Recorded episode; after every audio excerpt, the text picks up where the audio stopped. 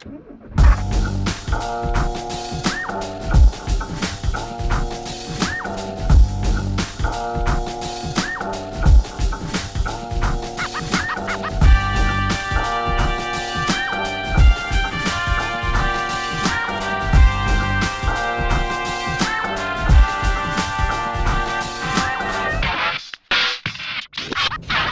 dobry. E, W kolejnym odcinku prawdopodobnie najbardziej nieregularnie pojawiającego się podcastu motoryzacyjnego w galaktyce. Ale to raptem dwa miesiące przerwy. To tyle co nic przecież. No dwa i pół. A. Nieważne. Nieważne, ważne, że jest następny odcinek i że będzie na kilka tematów. Zacznę od historii. Mm, Nie wiem, ile z Was może to pamiętać, ale czasy w połowie lat 90. w Polsce były bardzo ciekawe, jeżeli chodzi o rynek motoryzacyjny, bo w pewnym sensie przypominał obecne czasy.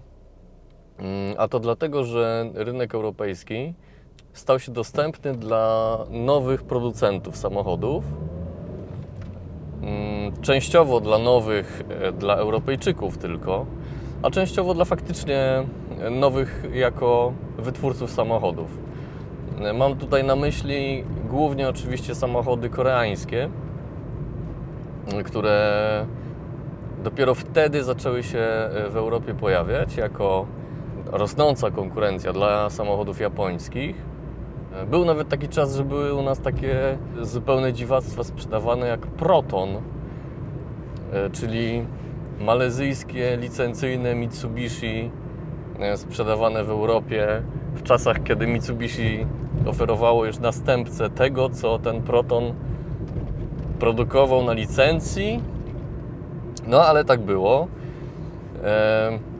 Było oczywiście DU, było Hyundai, Kia się wtedy pojawiała, jeszcze nie jako część y, i nie jako własność Hyundai'a. I w tym sensie to był podobny rynek y, do obecnych czasów, że pojawiały się właśnie te nowe marki.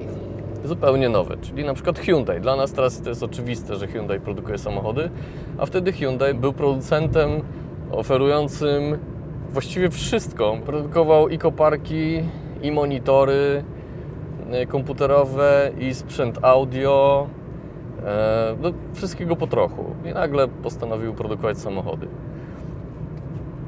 Ale po co ja tym mówię? Nawet nie po to, żeby zauważyć czy zwrócić uwagę na tę analogię i to podobieństwo czasów. E, bardziej chodzi mi o to, co wtedy się działo konkretnie w Polsce. Mianowicie w Polsce trwały zakupy. Wielkie zakupy e, w motoryzacji. E, My wtedy jeszcze mieliśmy e, jakieś tam produkowane samochody.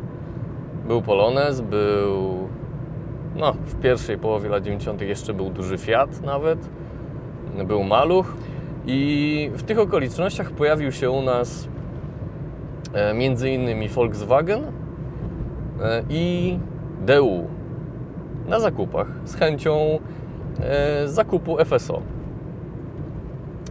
E, Z podobną propozycją e, Volkswagen też wyruszył oczywiście do Czech, do Skody, która była właściwie odpowiednikiem naszego FSO.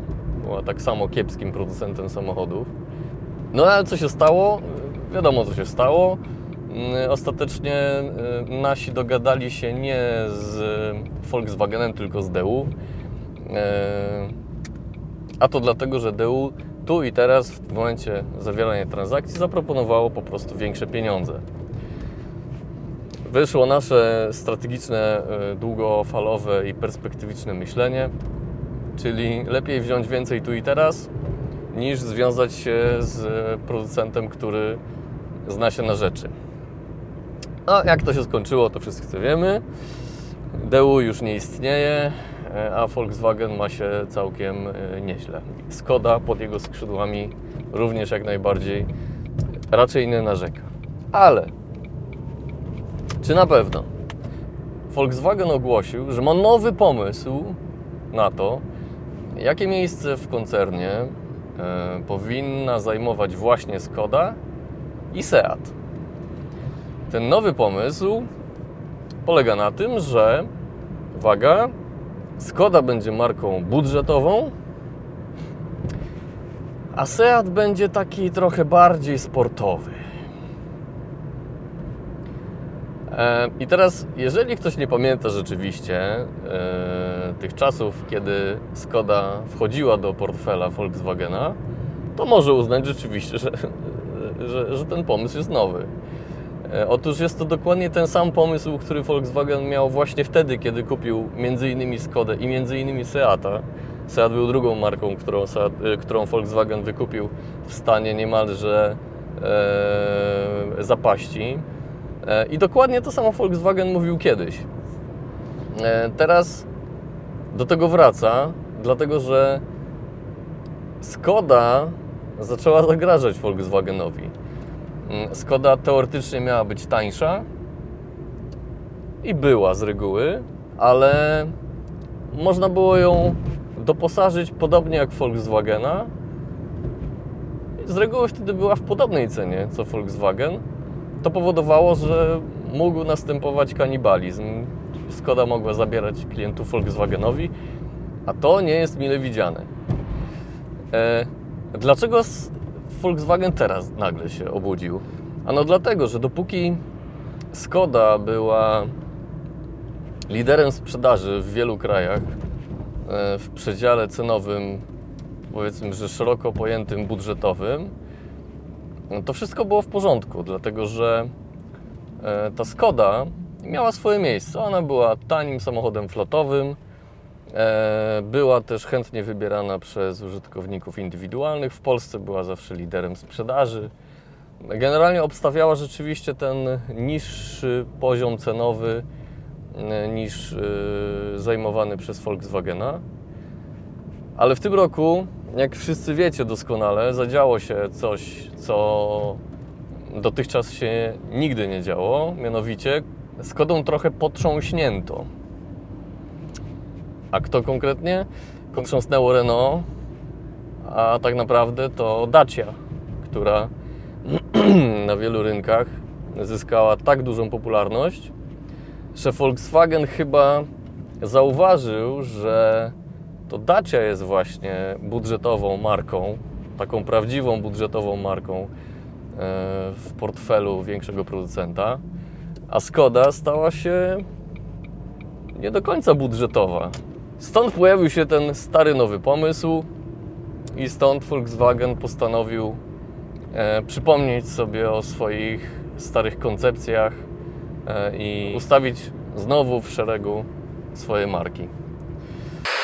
Jeśli już jesteśmy przy temacie nowych samochodów, właśnie pojawiła się informacja o tym, jak będzie wyglądała nowa Skoda Mirai.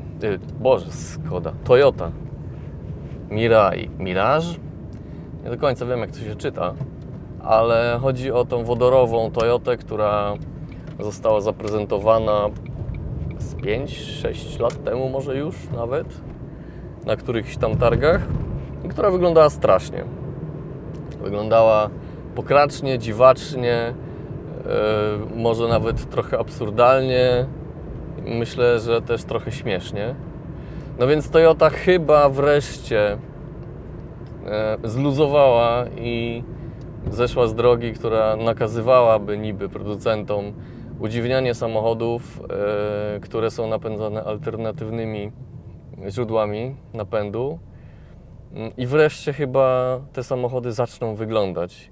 Być może jest tutaj jakiś wkład Tesli, która zrobiła samochód elektryczny, który nie wypalał oczu. Być może. E, cieszyć się należy z tego, że wreszcie te samochody po prostu będą normalnie wyglądały, e, bo Toyota Mirai czy Mirage jest naprawdę zgrabnym i jak na Toyotę powiedziałbym nawet, że ciekawym samochodem więc tylko się cieszyć. Jeśli już jesteśmy przy e, alternatywnych źródłach napędu, e, oczywiście teraz już chyba nie da się e, przy każdym odcinku nie mówić o czymś elektrycznym albo alternatywnym. e, takie czasy. Mm, Ale nie o tym. E, Oprócz całego tego zamieszania związanego z dostarczaniem energii do elektryków, e, wszystkich kwestii logistycznych i podejścia do ekologii, zauważyłem, że samochody elektryczne wprowadziły jeszcze kilka nowych elementów do motoryzacji, które się nigdy wcześniej nie pojawiały, a na pewno nie na taką skalę. Trzy takie elementy widzę. Pierwszy to mi się rzu- rzuciło, kiedy pojawiły się informacje o Volkswagenie ID3, czyli tym elektryku kompaktowym, który lada moment się na rynku pojawi. A teraz mi się przypomniało ze zdwojoną siłą, kiedy przeczytałem o Polestarze, czyli tej elektrycznej submarce Volvo, e, która ma e, wynajmować tylko swoje samochody. Mianowicie, w obydwu przypadkach zadziałało nic innego jak preorder na samochody. Nigdy wcześniej nie było czegoś takiego jak preorder na samochody, a na pewno nie na samochody zwyczajne, budżetowe, e, takich normalnych marek. Polstara możemy za taki uznać, dlatego że mm, jest to nadal samochód dla no, zwykłych ludzi, ok, majętnych, ale no, zwykłych. E, I w tej kategorii samochodów też nie zdarzały się takie rzeczy. Zdarzało się, że były przedsprzedaże czy zapisy na samochody, ale to dotyczyło jakichś ekstremalnych hiper e, samochodów, limitowanych e, serii itd., itd. A w przypadku zwykłego samochodu, mm, który miał być szeroko oferowany, nigdy się nie zdarzało, że nagle dziesiątki tysięcy ludzi zapisywało się w ciemno e, na zakup danego samochodu i wpłacało zaliczkę. A tak się właśnie stało w przypadku Volkswagena ID3. Ludzie kupowali w zasadzie w ciemno, dlatego że po pierwszych publikacjach wiadomo było tylko, że e, jest to coś oklejonego e, folią, e, która wygląda jakby były na nią naniesione poziomice. I tyle, był jakiś detal lampy czy czegoś tam. I to wystarczyło. Wystarczyła zapowiedź po prostu, że to będzie elektryczny samochód, że będzie kosztował ileś tam pieniędzy, stosunkowo niedużo jak na elektryka i tyle. Z czego to wynika, się zastanawiam. Mam takie podejrzenie, że po prostu z tego, że e, tego typu działania są podejmowane pewnie przez tak zwanych early adopters, czyli grupę ludzi, którzy bardzo szybko absorbują nowe nowości, generalnie nowości. Czy to są nowości technologiczne, czy e, użytkowe, czy nowości w jakimś tam zachowaniu, jakieś mody itd., itd. Oni to najszybciej chłoną. I to są najczęściej, czy najszersze grono obecnie ludzi, którzy e, tymi early adop- adoptersami są. To jest grono ludzi pewnie w okolicach 30-40 lat, czyli ludzi, którzy mają pieniądze już. E, Niekoniecznie są już super bogaci i się e, dorobili, Mm, ale pewnie dla nich to jest model, dla nas w zasadzie, to jest moja grupa wiekowa, to jest model, w którym już funkcjonują w innych sferach życia. Druga rzecz, która jest ciekawa, którą e, samochody elektryczne wprowadziły, e, a która jest zupełnym przeciwieństwem tego, co było w czasach samochodów spalinowych, fakt, że w samochodach osiągi przestają mieć znaczenie. W samochodach elektrycznych, zauważcie, kiedy są testy, prezentowane są parametry tych samochodów, to zwróćcie uwagę, jakie cechy są podkreślane.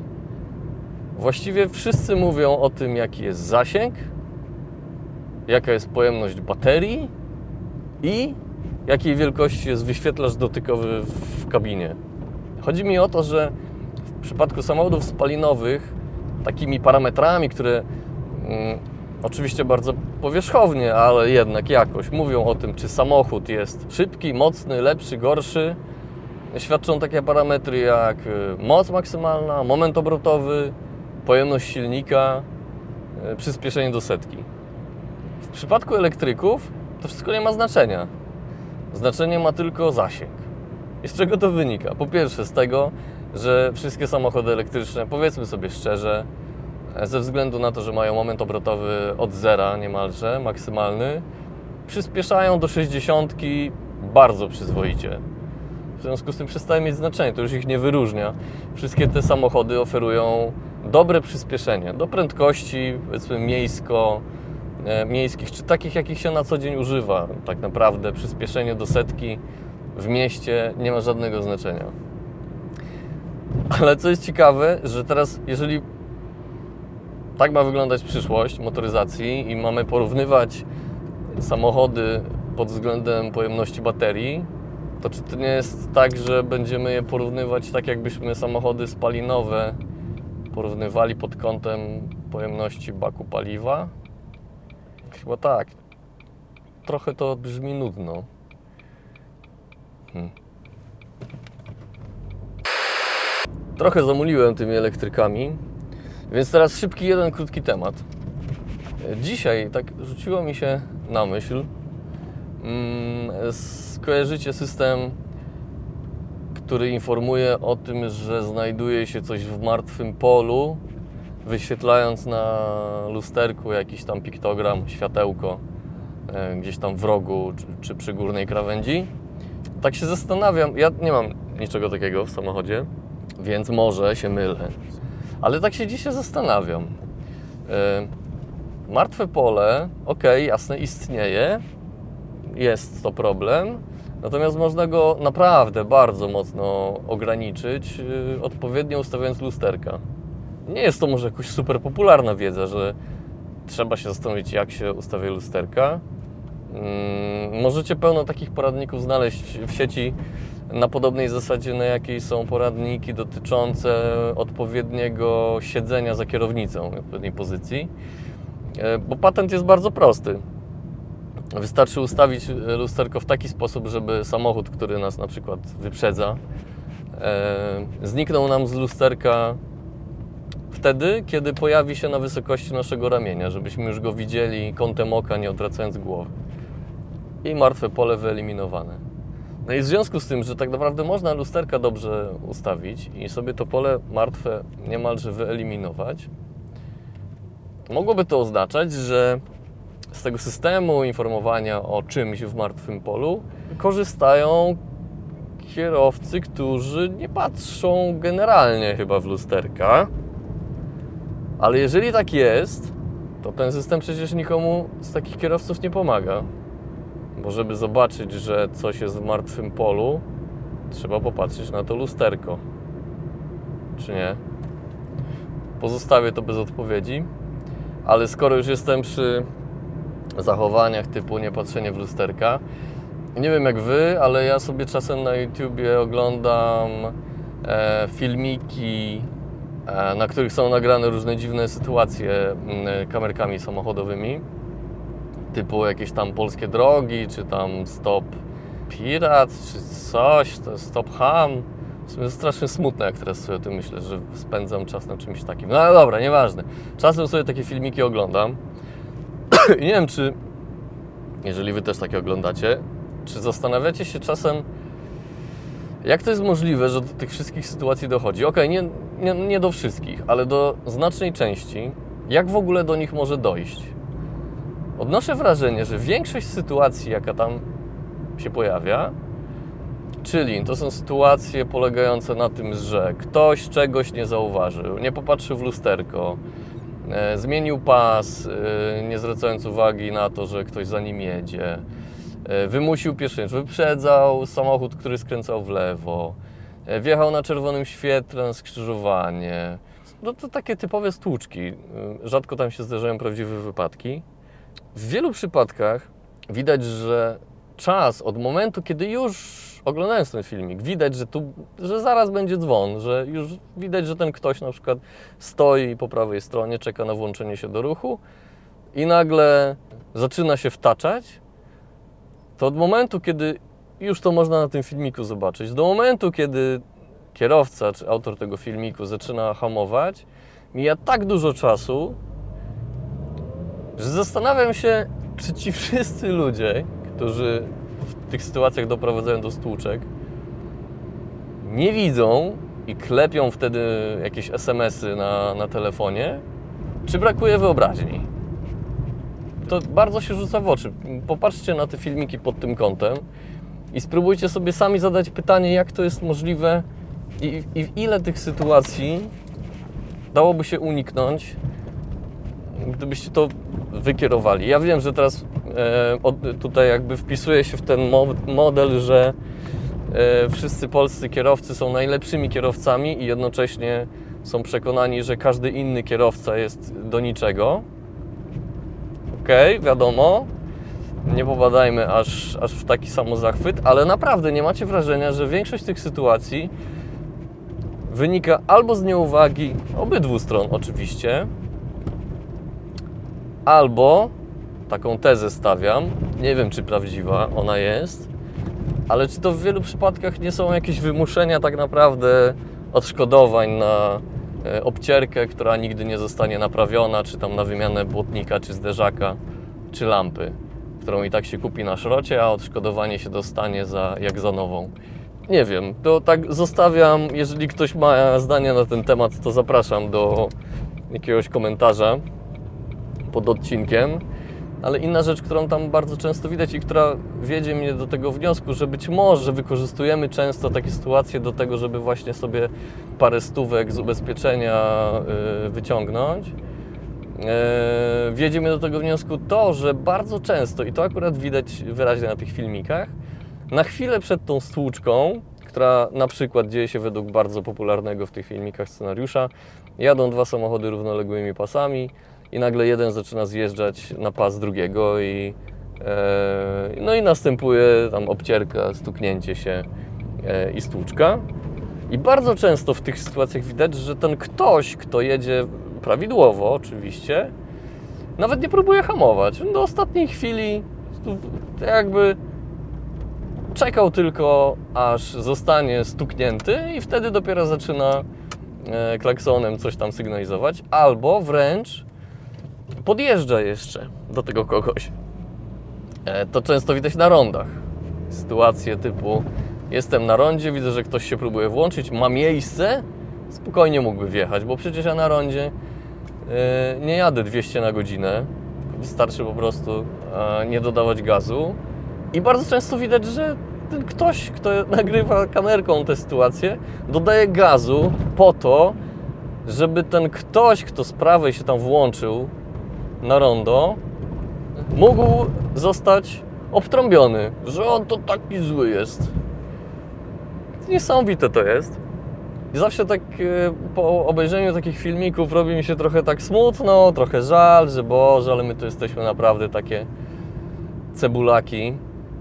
E, i kultury zero. Zaraz po tym przychodzi mi do głowy, że przecież wiadomo, że tam są wybrane tylko te kiepskie sytuacje. Bo wiadomo, że na YouTubie to się ogląda, jak się komuś tam noga powinęła i, i wszyscy chcą widzieć, że komuś się nie udało, żeby można było e, się pośmiać i powiedzieć, ach co za baran jeździć nie potrafi.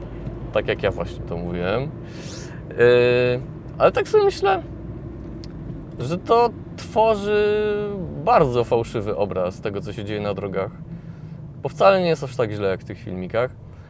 Tak sobie pomyślałem, że fajnym pomysłem byłoby stworzenie kanału, na którym byłoby właśnie przeciwieństwo takiego stophama, czy tam e, uwaga, wariat, czy tam cokolwiek. E, czyli stworzenie kanału, na którym byłyby prezentowane pozytywne relacje na drodze, przejawy kultury, przejawy wzajemnej życzliwości, przejawy przewidywania w sytuacjach, kiedy właśnie ktoś zaczyna się wytaczać z podporządkowanej. Czyli filmiki, na których by było widać, że ten ktoś, jak widzi, że się coś w sprawie wytacza, to zaczyna hamować, a nie pakuje się prosto w niego. No i pewnie bym taki kanał założył, tylko że nie mam kamerki i jakoś mi się nie chce nawet jej mieć. Ale jeżeli ktoś uważa, że to jest fajny pomysł, proszę bardzo, będę oglądał. Mm, z tym, o czym mówię, wiąże się jeszcze jedna rzecz, o której myślałem niedawno. Jeżeli te sytuacje wynikają z klepania na telefonie, tak się zawsze mówi, nie? że Jeżeli ktoś był nieuważny, to oho, na pewno scrollował fejsika albo pisał SMS-ika, no albo tam rozmawiał przez telefon. To prawda, w wielu przypadkach tak pewnie jest, bo pewnie e, wielokrotnie widzieliście, że samochód, który dziwnie się zachowuje przed Wami, chaotycznie zmienia pasy, nie mieści się w pasie, to wcale nie musi oznaczać, że to jest osoba pijana, tylko z reguły jest to ktoś, kto trzyma telefon e, połową jednej ręki, drugą ręką próbuje jeszcze kawę pić i nie wie ogólnie, co się dookoła niego dzieje. Ale czy słyszeliście o chociaż jednym wypadku, gdzie nieuwaga byłaby wytłumaczona obsługą dotykowego ekranu na przykład w czasie prowadzenia samochodu? Czy kiedykolwiek policja powiedziała, winny był pan kierowca, który y, y, nie zachował należytej uwagi i w trakcie prowadzenia samochodu próbował zmienić temperaturę ogrzewania, jeżdżąc paluchem i gapiąc się na ekran, bo musiał przejść w 70 pod menu, albo zmieniał stację. Nie, nigdy się o tym nie mówiło. Nigdy na taki przypadek nie natrafiłem. Jeżeli natrafiliście, ok, chętnie o takim się dowiem. Natomiast to jest dla mnie zupełnie niezrozumiała niekonsekwencja. Dlaczego nie można pisać SMS-a i scrollować Face'a i generalnie obsługiwać telefonu w czasie jazdy, skoro w czasie jazdy można obsługiwać dotykowy panel, na którym się robi dokładnie to samo. Też trzeba oderwać wzrok na dobre kilka sekund i jeździć paluchem i klikać i wchodzić gdzieś tam głębiej w, podmenu, podmenu, podmenu. I ja nie mówię teraz, że e, powinno być dozwolone e, scrollowanie fejsika w czasie jazdy. Nie, Zupełnie nie o to mi chodzi. Chodzi mi o to, że ekrany dotykowe, to już wszyscy o tym wiemy, to nie jest wcale taka super sprawa i one naprawdę powodują wypadki. I fajnie by było chyba zacząć o tym mówić i ludzi uświadamiać, że to się niczym nie różni od yy, scrollowania fejsika i że powinni na to tak samo uważać jak na i tak samo ograni- próbować ograniczać korzystanie z tych paneli, jak korzystanie z telefonu.